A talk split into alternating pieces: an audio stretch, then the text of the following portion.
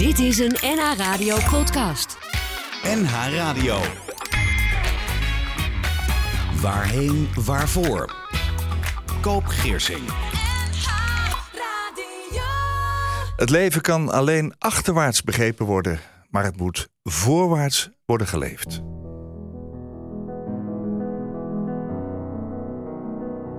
Je luistert naar NH Radio met Waarheen Waarvoor. Ik ben Koop Geersing. Fijn dat je luistert, waar dan ook. Live misschien, via de podcast, op je eigen tijdstip. Ook in deze aflevering spreek ik met een gast over leven en dood. Over de zin van de dood, over de onzin van het leven. En als je vandaag hoort dat je nog maar kort te leven hebt, ben je dan waar je nu bent? We praten over persoonlijke ervaringen, over inspiratie, passie in het leven en waarom iemand doet wat hij doet. En welke drie liedjes worden gespeeld tijdens haar of zijn eigen uitvaart en waarom die. Mijn gast schreef het boek De Zin van de Dood, een spiegel voor de onzin van het leven. Wat zou je anders doen als je nog maar drie jaar te leven had? En waarom zou je daar eigenlijk mee wachten? Mijn gast was 24 toen ze haar moeder zag sterven. 36 toen ze zelf de diagnose kanker kreeg. En 38 toen ze als gevolg van een hersenvliesontsteking in coma lag. Trodessa Barton, welkom. Goedemorgen. Goh, jij hebt toch ook wel wat meegemaakt in je leven om doodsbang te worden. Hoe gaat het vandaag met je? Het gaat goed met me, gelukkig. Ja? Ik heb, uh, ja, het gaat goed. Lichamelijk heb ik echt wel uh, nog wel wat strubbelingen. Wat zijn maar, die strubbelingen? Ja, vooral echt van alles. Ik, uh, heel, ik zal je de details Noem maar één ding. Maar de grootste is wel de vermoeidheid. Ja? Ja, dat is wel... maar het zijn... ja, ik heb wel echt wel lichamelijke klachten aan Ja. alles overgehouden. Ja. Maar ehm, ik ben gek genoeg, en dat hoor je vast vaker, wel echt nog nooit zo gelukkig geweest.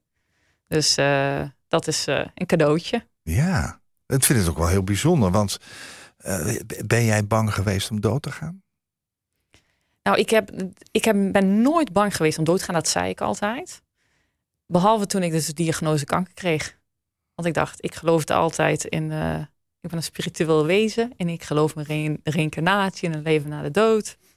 En eh, dat geloofde mijn moeder ook altijd. Dus zo ben ik ook opgegroeid. Dus ik Ja. dacht, nee, ik ben helemaal niet bang voor de dood. Maar toen ik eenmaal een kankerdiagnose kreeg, toen dacht ik, ho eens even. Ik heb twee hele jonge kinderen, drie en zes.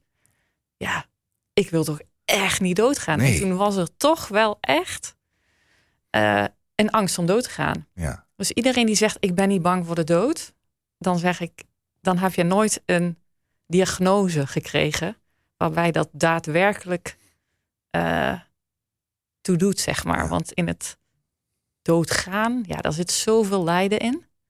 En t- gedachte aan doodgaan. Ja, niks moeilijkers dan alles loslaten in, Nee. in de wereld. Weet je het nog, dat je die diagnose kreeg? Zeker, Dat moment? zeker. Ja. Ja. Hoe ging dat? Ik wist een week van tevoren al intuïtief dat ik eh, Het is niet goed. Dit is niet goed. Ja. Ja, dat, eh, dat voelde ik. had erover gedroomd en ik had mijn leidinggevende al zelfs van tevoren gebeld. Regel maar opvang, want eh, ik, het gaat niet goed komen. Eh, dus ik was mentaal denk ik daarin deels voorbereid. Ja.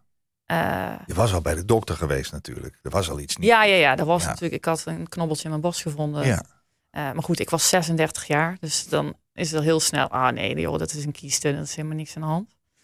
Ehm, en ik maakte me in eerste instantie ook helemaal geen zorgen. Maar Die week daarvoor. Die week daarvoor wel. Ja. Toen wist ik, oké, dit is echt foute boel. Ja. En, ja, en toen ik de diagnose kreeg, ja, je, ja, in de eerste instantie kom je gewoon aan een rat race. Hoe van, werd dat eh, verteld? ehm, ja, een jonge arts die kwam binnen en die zei, die vroeg eerst of wij kinderen hadden. Ja. Of nee, ja, of we kinderen hadden, ja, twee.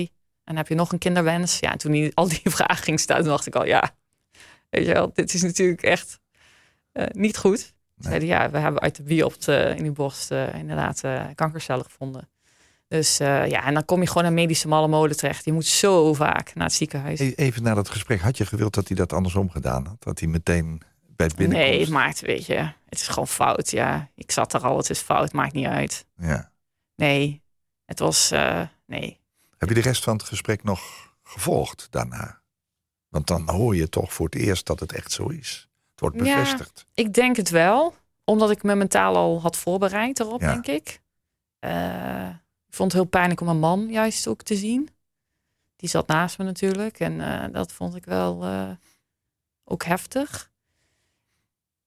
Ja, ik liet het denk ik gewoon over me heen gaan. En het Ja. was meer van, eh, toen we naar huis reden, van oh ja, wie gaan we allemaal bellen met dit bericht, zeg maar. Ja. En als je in de medische mallenmolen zit, heb je eigenlijk nog niet echt ruimte om erover na te denken. Pas tijdens de chemo's toen had ik ruimte om echt de vraag.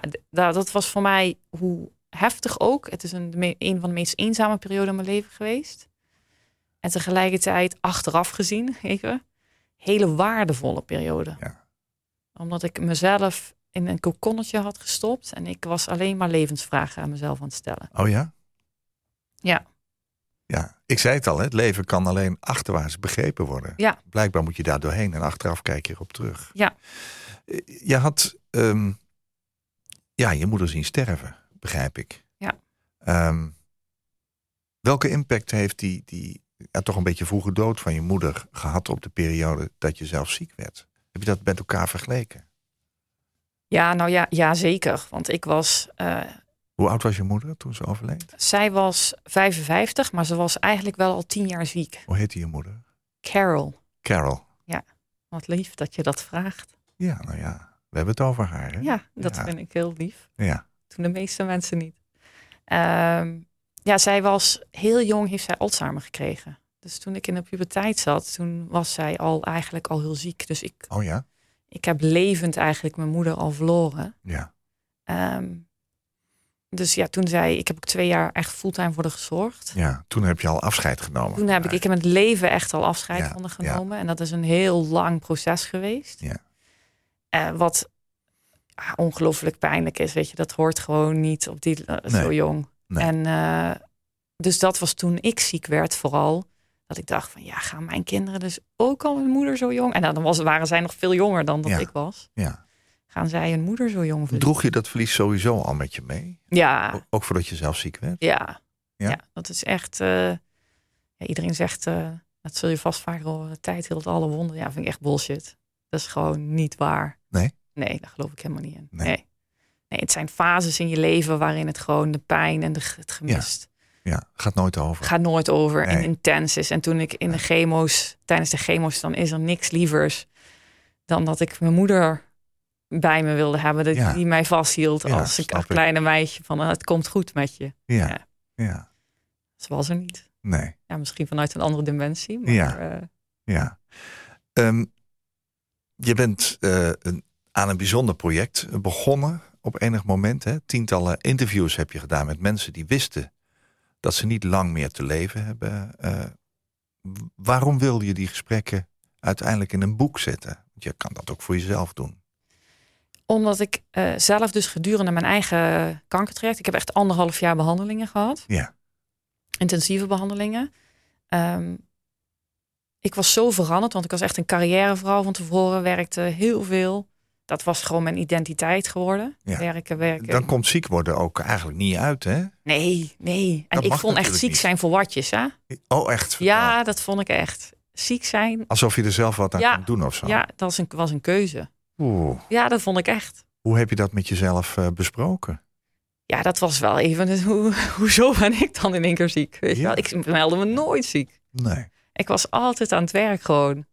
En eh, heel actief. Ja. En in één keer kun je zelf niks. Hoe, hoe kijk je daar dan nu op terug? Dat je, dat je altijd maar aan het werk was? Ja, daar kijk ik echt nu al terug. Eh, ja, dat had ik natuurlijk nooit moeten doen. Nee, dat had ik echt niet. Een levensles geweest. Dus Ja. Ook wel. Ja. En vooral, ik heb mezelf gewoon verloren in de rat race. Van eh, carrière maken, ambitie en Een stapje hoger. stapje. stapje Ja, verder, dat harder. was echt hard. Ja, Ja.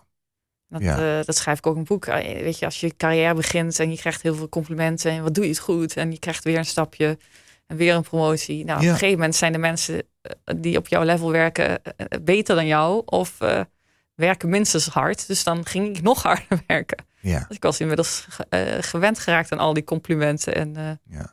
ja, daar was ik verslaafd aan geworden. Dus Nee, dus en toen en ik had dus niks meer kunnen. Ja, toen dacht ik echt, uh, waar ben ik mee bezig? Bent En voor wie ben ik? dit? Teruggeworpen op jezelf op een gegeven moment. Ja, Ja. Heb je ooit, misschien vind je het een hele rare vraag, maar heb je ooit gedacht, eh, ben ik daardoor ziek geworden? ik, ja, ik heb mijn eigen overtuiging. Ik denk dat het antwoord daar ja op is. Ja, voor mij, dat is mijn, mijn eigen beredenering natuurlijk. Ik werkte, eh, ik zat zo op een, ik was, stond altijd aan. Ja. Dus en ik, weet je, daarna ga je daarover lezen en stress doet ook gewoon iets met je immuunsysteem. Ja. Ik stond altijd aan. Ja. Altijd. Dus ik, dus ik weet zeker, en dan was een periode op het werk waar er heel veel te doen was.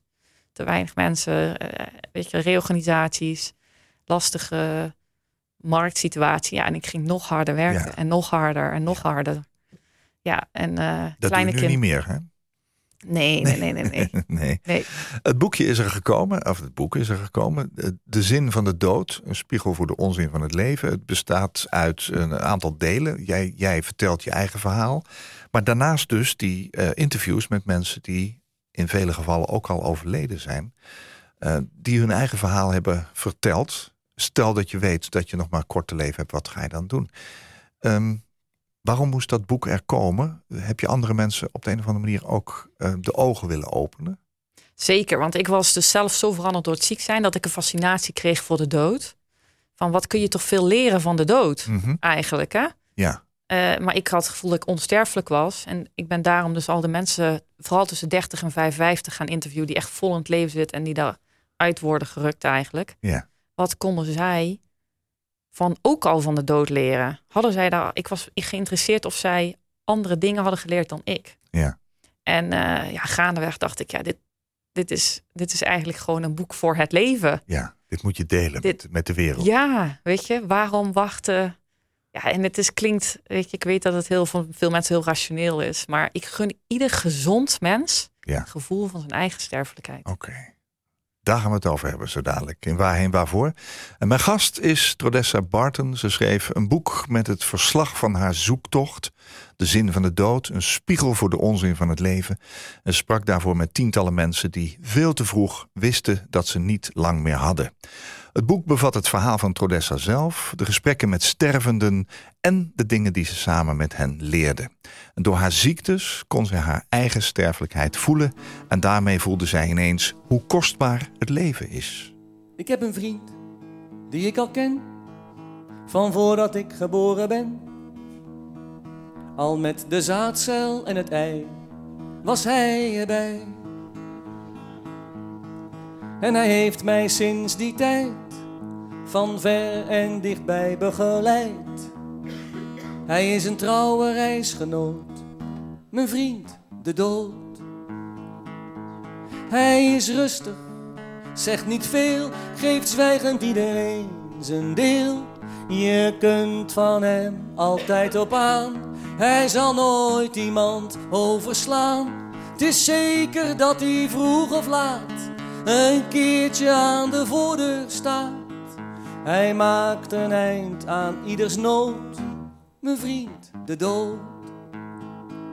Mijn vriend, de dood, wordt vaak gevreesd door de armen van geest. Want hij heeft een frisse kijk, hij is ad rem en vindingrijk. Nu eens gebruikt hij snel verkeer, een losse steen en beesten weer. Dan weer een torpedoboot, mijn vriend, de dood. Ooit al weet ik niet wanneer, zie ik hem voor de eerste keer. Dan zegt hij zo, daar zijn we dan, ouwe reus. Dacht je ervan, zullen we maar weer eens gaan? Ik zal hem op de schouder slaan. Ouwe jongens, krentenbrood, mijn vriend de dood. Ik heb een vriend die ik al ken van voordat ik geboren ben. Hij heeft mij sinds die tijd van ver en dichtbij begeleid. Hij is een trouwe reisgenoot, mijn vriend de dood. Jeroen van Merwijk uit 2007, cabaretier, kunstschilder, eh, tekst- en liedjesschrijver. Hij overleed in 2021. Todessa, is de dood jouw vriend? Ja. Het leven en de dood.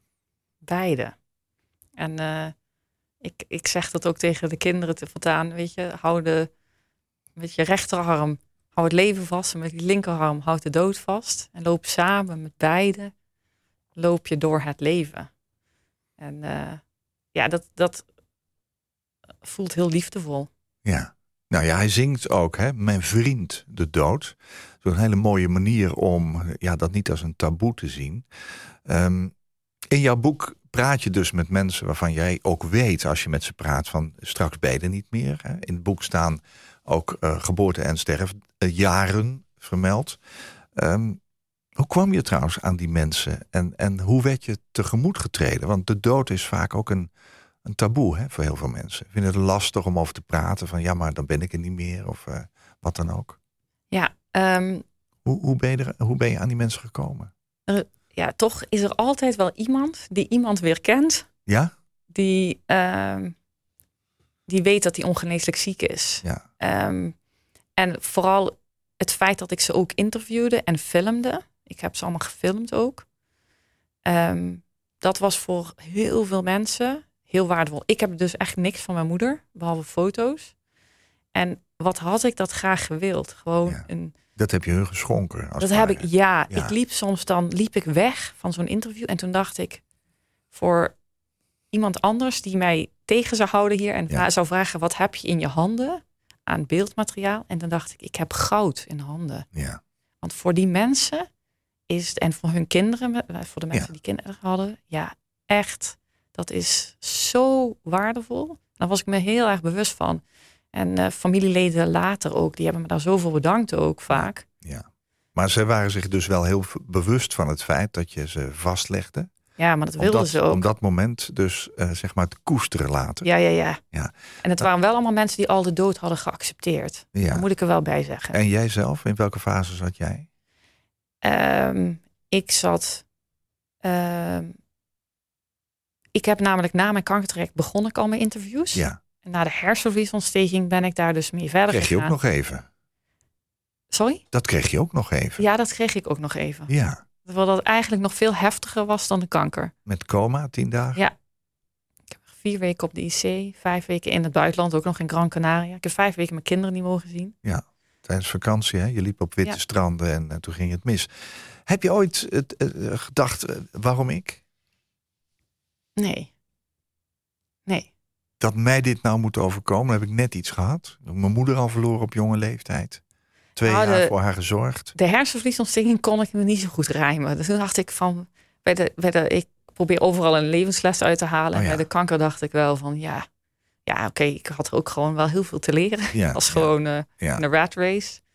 En ik veel te leren over mezelf. En, maar die hersenvliesontsteking die gebeurde echt acht maanden na mijn laatste kankerbehandeling. Ja. En toen dacht ik echt, wauw. Dat toen dacht ik wel, Ja. waarom? Niet zozeer waarom ik, maar wat moet ik hier nou uithalen? Ja. En, en de enige conclusie die ik daarvan had, ik was al begonnen aan dit boek en aan het avontuur. En toen dacht ik, het heeft mij een andere dimensie over de dood gegeven. Welke? Want voor mij was eh, een kankerdiagnose een, een beproeving in eventueel doodgaan. En een hersenvliesontsteking was voor mij meer, hoe is het om dood te zijn? En ja, en, Ook vanwege die, die eh, coma waarin Ja. je terecht kwam. Waarbij je eigenlijk al weg was. En ook mijn familie moest, af, moest afscheid komen nemen. En ik zou de nacht niet overleven. En eh, dus het was, dat was eigenlijk gewoon van, ja, Ja. dit is het. Ja. En, eh, en ik zeg, schrijf het ook in een boek. Albert Camus zegt altijd, of zegt altijd, zegt, leer eh, omgaan met de dood, daarna is alles mogelijk. En toen dacht ik, nou, de drie facetten van de dood, het gemis, wat het met iemand doet als je iemand dichtbij mist, van mijn moeder, Ja. doodgaan Ja. en dood zijn. Ik denk, ja, is nu alles mogelijk? En toen dacht ik, ja, voor mijn gevoel wel. Ja. D- dat was jouw stuk van het leven op dat moment. Je was al met interviews begonnen. Je bent daar nog mee verder gegaan. Ja. Dan zit je dus ehm, eh, met, met je eigen eh, gedoe, zullen we maar zeggen. Hè? Met je eigen leven. Waarbij je natuurlijk ook ja, het leven anders bent gaan zien, heb je verteld.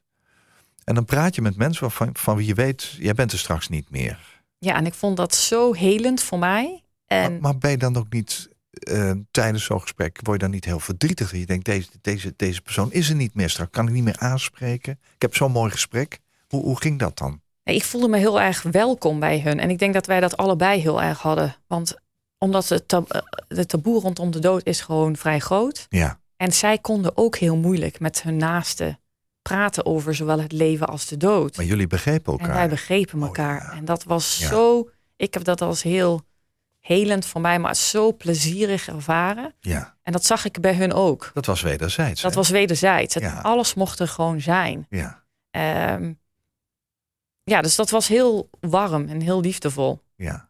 Jouw boek heet De Zin van de Dood. Eh, het is uitgegeven bij Growing Stories. Ehm, elk hoofdstuk begint ook met een foto. Dat vind ik nogal eh, confronterend hoor. Dan, dan lees ik dus eh, hoofdstuk 7, De Harde Werker. En dat is Peter, die over zijn Volvo praat. Hè. Peter is ook inmiddels overleden, helaas. En dat, staat nog niet in het boek, maar dat Nee. is dus zo. Ja. Dus ik zie een, een, een, nou zeg maar, een opgewekte man Hm. voor schilderijen staan. En die heeft een, een bordje. En zo heb je iedereen gefotografeerd met een, zeg maar, een, een soort krijtbordje in de hand. Hè, een schoolbord.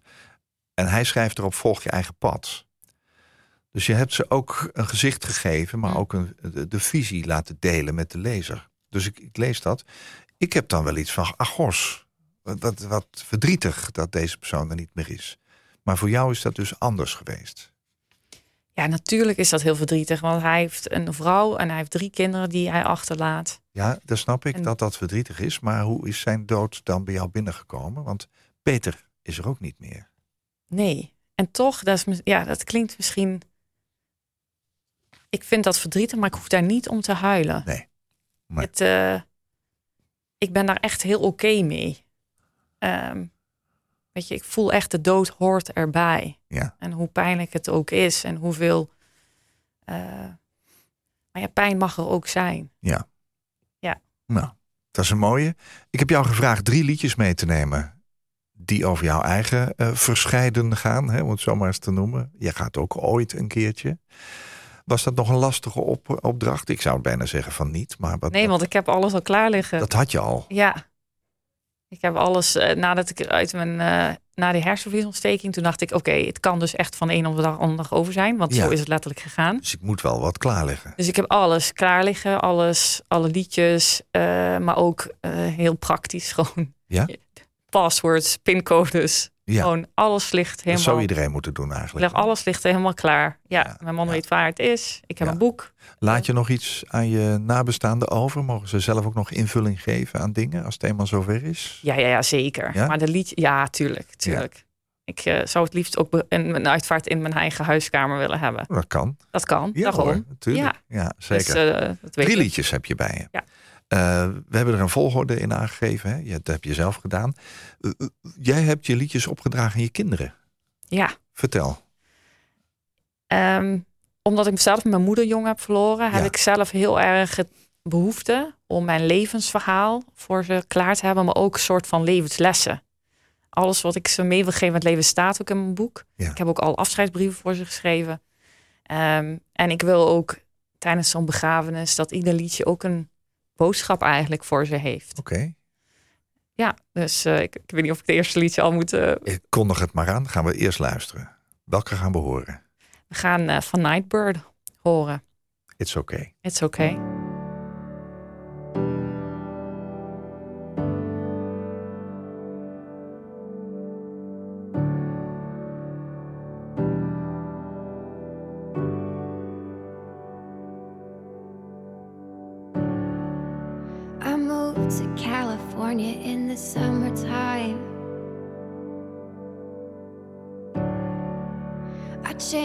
Name thinking that it would change my mind. I thought that all my problems they would stay behind. I was a stick of dynamite and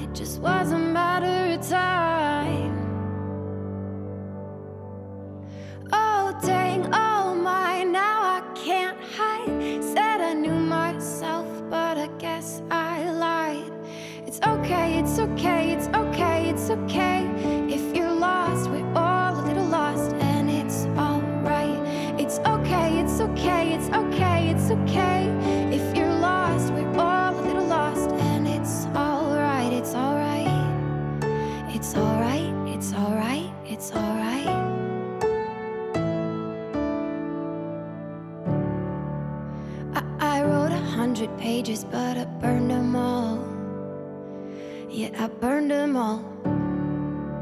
I blow through yellow lights and don't look back at all. I don't look back at all. Yeah, you can call me reckless, I'm a cannonball. I'm a cannonball.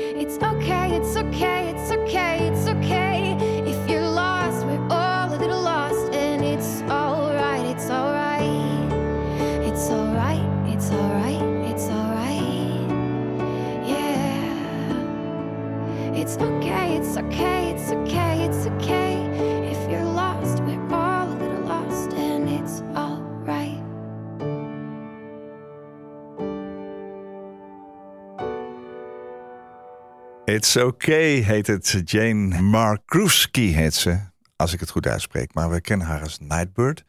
Jane overleed in 2022 aan de gevolgen van kanker. Wat is de boodschap aan je kinderen? It's okay, hè? It's okay to be lost sometimes. En eh, dus de boodschap is, als ik er niet meer zou zijn, dat het oké is om Ja. je daar ook gewoon heel verdrietig over te zijn. En even niet te weten wat je verder moet doen. Nee, that's oké. ja. En eh, kennen zij eh, deze liedjes? Zij weten dat al? Joh, ze draai, ik draai het allemaal. Oh, Oké. Al thuis heel vaak. En mijn dochter zegt altijd, want ik draai de a cappella versie. Misschien moet ik vaker deze versie Ja, draaien. deze is leuk hoor. Bij die andere zegt ze altijd, niet zo deprimerend liedje de hele tijd. Ja. Nou ja, dat kan natuurlijk ook eh, op hun overkomen als dat we het altijd maar daarover hebben. Hè?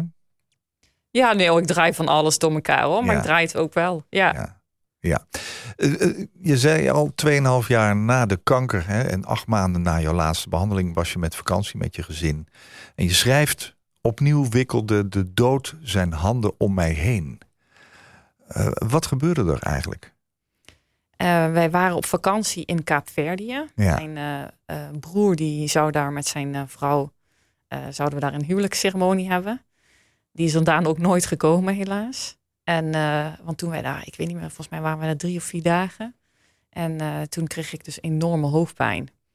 En eh, ik denk, ja, niks aan de hand. Nee. Gewoon hoofdpijn. Maar dat was zo intens dat ik gewoon s'nachts alleen maar moest overgeven. En echt Mhm. op de badkamervloer lag. En het ging echt niet. En toen ben ik toch naar het ziekenhuis gebracht daar. Ja. Ja, het was niet een ziekenhuis. Het is een Kaapverdi in Afrika. Dus het was meer een kliniek. Ehm, en toen zei ik meteen, ik heb een hersenvliesontsteking. Geen idee waarom ik het zei. Maar dat was het eerste wat ik zei. En toen zei ze, nee joh, je kunt je nek nog te goed bewegen. En, eh, en gelukkig, ik had blijkbaar een blaasontsteking. Dat is waarschijnlijk mijn redding geweest. Want, daardoor hebben ze me meteen antibiotica, antibiotica gegeven. Oh, dat, dat, dat werkte wel. ja, dat is het enige wat je eigenlijk kunt doen. Ja. Eh, maar ik was al heel snel, ik raakte al heel snel buiten bewustzijn in een coma. Dus eh, ik, ik, ja, ze hebben mij daar zeven, da- zeven dagen ben ik daar uiteindelijk wel nog geweest. Ehm, en toen zei wel één arts van, ja nee, je moet haar tegen mijn broer. Je moet haar nu hier echt weghalen, want ze gaat hier sterven. Wij kunnen gewoon niks meer voor haar doen. Wauw.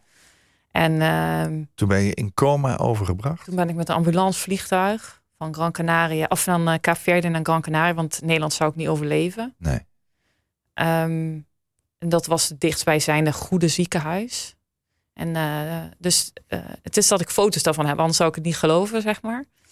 Eh, en daar heb ik meteen een hersenoperatie gekregen. Ja, En toen hebben ze mijn familie gebeld van kom afscheid nemen. jongen. Want we denken niet dat ze, ja, we twijfelen of ze wakker gaat worden. Je hebt tien dagen in coma gelegen. Je zegt dan ergens dat je de coma hebt beschouwd als een ervaring met dood zijn. Ja. Vertel. Ja, dat is heel ingewikkeld zonder dat ik daar heel veel eh, aan woorden voor heb. Ik, ik heb wel, ehm, later heb ik beseft van Pim van Lommel, die ik later heb ontmoet, dat ik een wel een bijna doodervaring heb gehad. Ehm, maar ik had, zag geen wit licht of geen eh engelen of wat dan ook. Maar ik zag wel wat er in de kamer gebeurde. En dat vond ik heel beangstigend. Alsof je van een afstandje Ja. toekeek. En ik kon echt, ja, dus- Tijdens je coma? ja, Dus je was er in zekere zin bij. in, ja. Dus ik heb dingen gezien die ik niet had kunnen weten, zeg maar. Ja. En wat zag je? ik zag dus, en dat, ik heb daar een heel na gevoel aan overgehouden. Zo ben ik ook uiteindelijk wakker geworden en met een heel beangstigend gevoel. Eh, omdat ik dus, ik, zag dat ik naakt op bed lag. En dat Oh, je iedereen, zag jezelf. ja, Ja. en iedereen zat aan mijn lijf. En ik kon daar mensen die ik niet kende en allemaal artsen en verpleegkundigen zag ik op mijn lichaam zitten. Ja. Ehm, maar ik kon zelf niks. Nee. Eh, en, en dat vond ik heel beangstigend, omdat ik geen kon, ik, ik kon niks. En zij zaten allemaal dingen aan mij te, bij mij te doen waarvan ik dacht, wat zijn jullie allemaal aan het doen? Ja. Ehm, dus zo ben ik wel, dat vond ik heel beangstigend. Dat heb ik als heel eh, eng ervaren. En later, toen ik, eh, fysiek was ik er heel slecht aan toe. Eh, maar toen ik eenmaal fysiek iets aan het herstellen was, maanden later, toen begon ik ook een soort van heimweegevoelens Oh ja. naar mijn coma-tijd te had. En dat, dat maakte vooral dat ik me heel verward. Ja, ik wou net zeggen, dat is wel dat heel vond ik heel ingewikkeld. ja. Want eigenlijk verlangde ik terug naar, de dood. naar de dood, Ja. naar de coma. En dat kon ik, daar kon ik natuurlijk, kun je toch niet tegen mensen zeggen.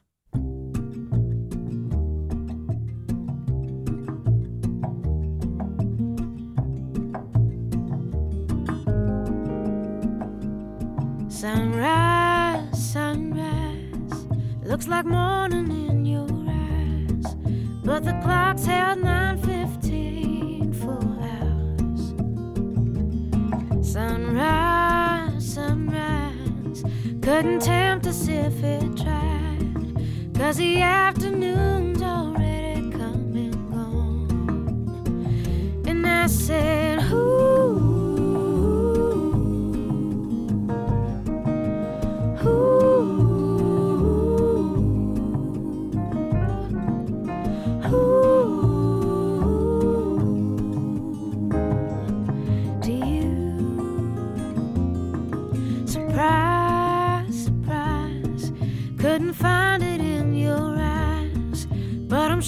It's written all over my face.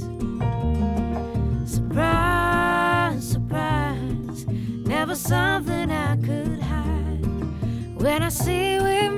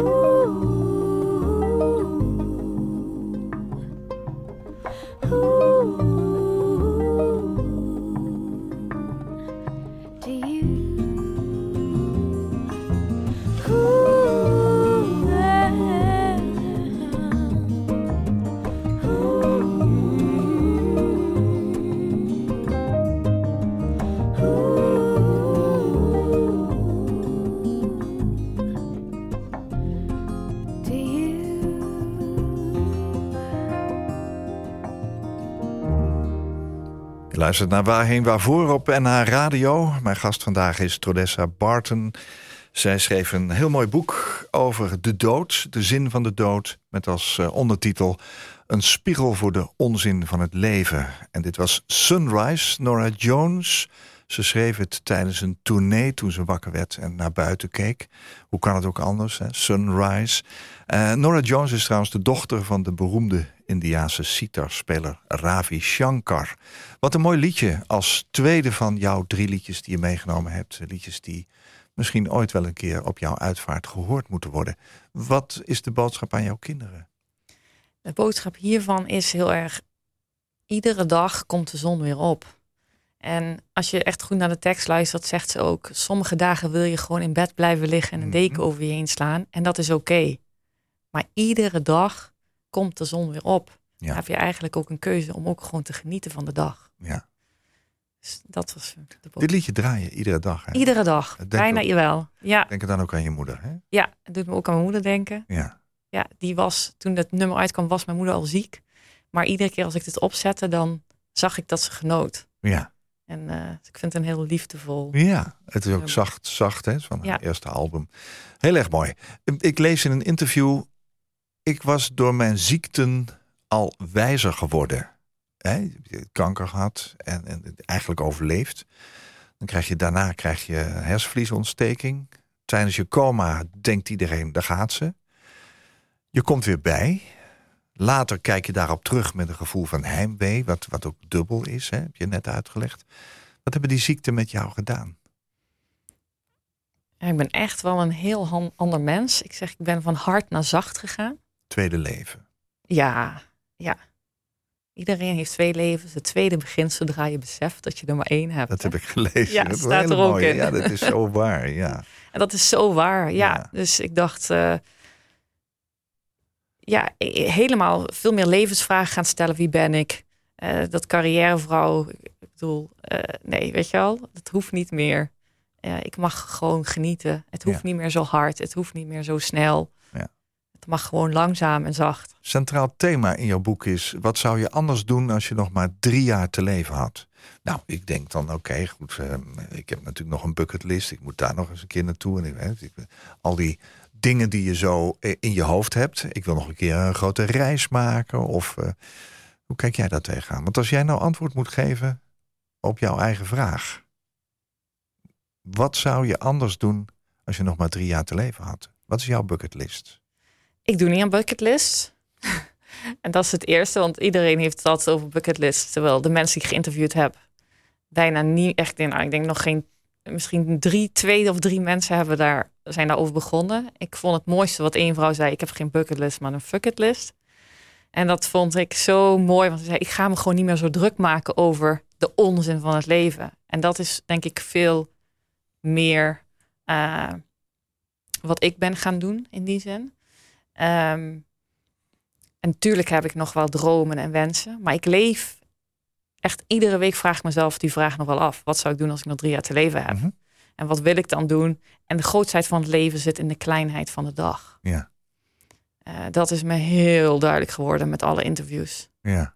Eh, en ik ben bezig met een tweede boek. Nou, dat wil ik echt. Gaat dat ook hierover? Eh, ja, maar het is een heel ander boek. Het is, de levenslessen zitten hierin, maar het is wel echt een heel ander boek. Maar het eh, leven en dood zit hier zeker, er zit daar ook zeker in. Nou, als het uit is, dan, dan moet je maar weer eens langskomen. Hè? Nou, helemaal leuk. Ja, nee, ik, ik lees in je boek dat jij jezelf afvraagt of je dingen wilt doen of dat je wilt zijn. Ja. Dat vind ik zo'n mooi verschil. Ja. Want ja, inderdaad, je kan zeggen, ik ga een reis maken. Maar Ja. je kan ook de kwaliteit van je eigen leven proberen op elk moment Ja. is onder de loep te nemen. Dat heb jij wel gedaan dan. Ja, ik kan zoveel, ik ben zo mindful geworden van momenten. Ja, Dan- Dus ik leef veel meer in het hier en nu. Ik kan echt zoveel intenser genieten. Gewoon alleen al van een, van een cappuccino drinken. Ik, ik, ook in de ochtend als ik ontbijt. Ik, ik, om, ik lees niet, ik kijk niet. Ik zit echt gewoon met ik en mijn eten. En met een drankje. En eh, eventueel een vogeltje of eh, een zonnestraal. En het klinkt zo cliché, maar ik ben veel meer aanwezig in het nu. Ja, veel meer. En Ja. daardoor geniet ik intenser. vind je dat je zelf ook een betere echtgenote en moeder bent geworden? 100 procent. Wat Ja. vindt jouw gezin? Nou ja, zijn, maar- zijn zij nog bang dat, ze- dat ze jou gaan verliezen? Merk je dat? Jawel. Ja. We praten er wel over hoor. Ja? En de dood is, heet, we, we hebben de dood welkom geheten in onze huiskamer. Ja. Ehm, dus ik heb ook al, eh, zeg ook altijd, ik stuur jullie signalen. Dat heeft mijn moeder bij mij ook gedaan trouwens. Vertel eens. Die heeft, eh, ik heb een pact gesloten toen mijn moeder nog gezond was. Ehm, dat als een van ons eerder overlijdt, we de Ja. signalen gaan sturen. En dat, en dat vind ik zo fijn. Ja? Dat vind ik zo fijn. En dan denk ik, ja. En ik, ik, ik, ik in die zin brainwash ik ze dat er meer is tussen, dat ik geloof dat er meer is tussen leven en de aarde. Ik zeg er ook heel duidelijk bij, dat is wat ik geloof. Ze mogen alles geloven wat ze zelf willen, maar het brengt, geeft mij ook een stukje. Eh, ja, ik vind dat gewoon een hele mooie gedachte. Ja. ja. En gaat jouw gezin mee in jouw gedachten? Mijn man niet zo. Nee? Nee, mijn kinderen echt wel. Ja, Ja. Je hebt een Amerikaanse naam, dus jouw man komt uit Amerika, hè? Ja. ja. Ja. Ik weet niet of ze zijn naam wil noemen, maar nu we het toch over hem hebben. Daniel Barton heet hij. Daniel. Oké, praten jullie Nederlands thuis? Nederland. Ja, de kinderen. Ik praat Engels met de kinderen, gek genoeg. Want ik ben ook Engelstalig opgevoed. Ja. Eh, mijn moeder is Zuid-Afrikaans. En eh, Heel internationaal gezellig ja, bij jullie in de familie. ja, ja, ja, zeker. Ja, zeker. En eh, ik, mijn man en ik praten samen Nederlands. Maar Engels en Nederlands kunnen een zin in het Nederlands beginnen en het Engels eindigen. Ja. Dus ja, heel in het, internationaal, zeker. Ja, ja. Ja. dat is jouw gezin. En het laatste liedje van de drie die je meegenomen hebt... is misschien ook wel heel mooi om nu te draaien. Waar gaan we naar luisteren? I love you always forever. En dat is de boodschap aan je kinderen. Ja. Feels like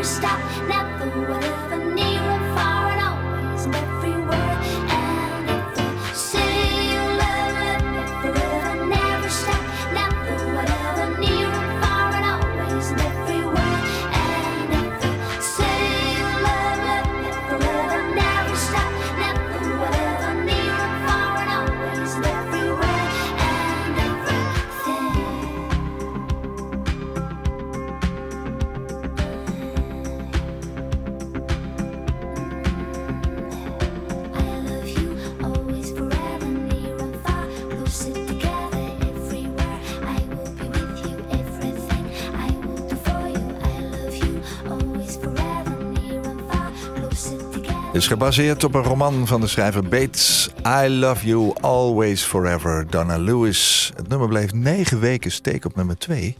Destijds in Amerika, de Billboard Hot 100. In de zomer van 1996. En werd van de eerste plaats gehouden door Macarena van Los Del Rio. Kun je toch nagaan, hè? Negen weken op twee. Ehm, welke boodschap is dit nou echt?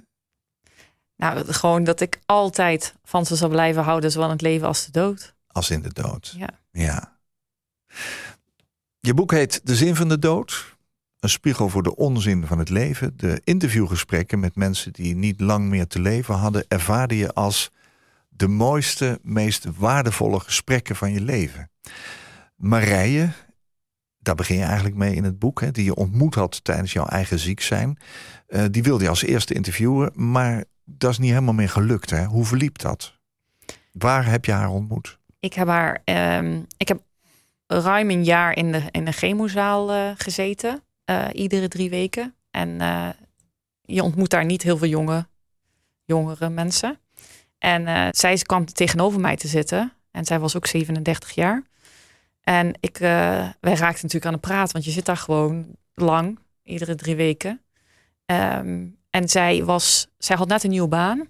En zij was gewoon nog steeds vier dagen gaan werken. En zij was daar zo eh, gedreven in. Terwijl ik dacht, ja, maar je voelt je. Ik zag, ik zag gewoon. Zij wist dat ze toen ze daar zat, ze nog maar een jaar te leven zou hebben. Dat was de prognose. En zij bleef maar doorgaan. En ik vond dat verbazingwekkend. Dat je het, ondanks het besef dat je weet dat je niet lang te leven hebt, zo gedreven bent. En ik wilde haar interviewen en ehm, dat wilde zij ook. En toen eh, kreeg ik inderdaad net voordat we eh, dat zouden doen, kreeg ik een appje van haar van morgen is mijn laatste dag op aarde en ik wens je al het goed. En, nou, en ik brak helemaal. En ik dacht, wow, dit was zo out of the blue in één keer. En eh, ja, dat had heel veel impact. Toen dacht ik, kan ik dit wel? Kan ik deze interviews wel houden? Ehm, ja, en zo onvermijdelijk is dus de dood. Ja. Ja, hij komt Hij komt. als het zover is. Hè? Ja. ja. De vraag, zou je nog meer hebben geleerd wanneer je had beseft daadwerkelijk dood te gaan, vormde eigenlijk een beetje de basis hè, van jouw boekavontuur. De interviewgesprekken ervaarde je dus als die mooiste, meest waardevolle gesprekken van je leven. Ehm, wat heb je geleerd van al die mensen als er een rode draad in zou zitten? Volg je hart. Dat is het? Dat is het. Iedereen heeft eigen belemmeringen en eigen gedachten. Maar ik geloof heilig als jij je hart als eh, kapitein en je hoofd als uitvoerder gebruikt, dan zul je sterven zonder spijt. Daar ben ik heilig van overtuigd. Ja. Echt, eh, ja, je hart klopt. Altijd. Ja. En jij doet dat op dit moment? Ja. Ja. Ja. Daarom ben je gelukkig, hè? Ja, en angst zit er ook nog altijd. Ja? Weet je wel? Ja, of als diverse dingen. Angst voor? Angst, en er is, blijft een angst natuurlijk. Word ik weer ziek? Kan ik, wat kan ik allemaal doen, lichamelijk, Ja, met de klachten die ik nog heb? ja, Weet je wel? eh, ja. eh, nou hebben we ook bijna een uur zitten praten. Eh, Ja. Vermoeit dat jou heel erg? Nu niet, omdat ik erin zit. Ja. Maar zodra ik thuis ben, dan moet ik weer gaan En wat doe je dan? slapen. Ga je slapen? Ja, Ja, dus dat is wel altijd een, iets waar ik altijd mee bezig ben. ja. Ehm, ja, dus iedereen, maar die angsten mogen er zijn. En ik Dat is ook wel meer. een deel van jouw geheim, denk ik. Hè? Ja. Dat je zegt van het mag er zijn. Alles mag er zijn, Ja, maar je hoeft er niet altijd naar te luisteren. nee. Maar is dat ook een van die lessen? Ja, maar dat doe je automatisch. Als je je hart volgt, zullen er angsten erbij komen. En dan is het de kunst om ondanks de angsten toch naar je hart te luisteren. Mijn gast in deze aflevering van Waarheen Waarvoor was Trodessa Barton.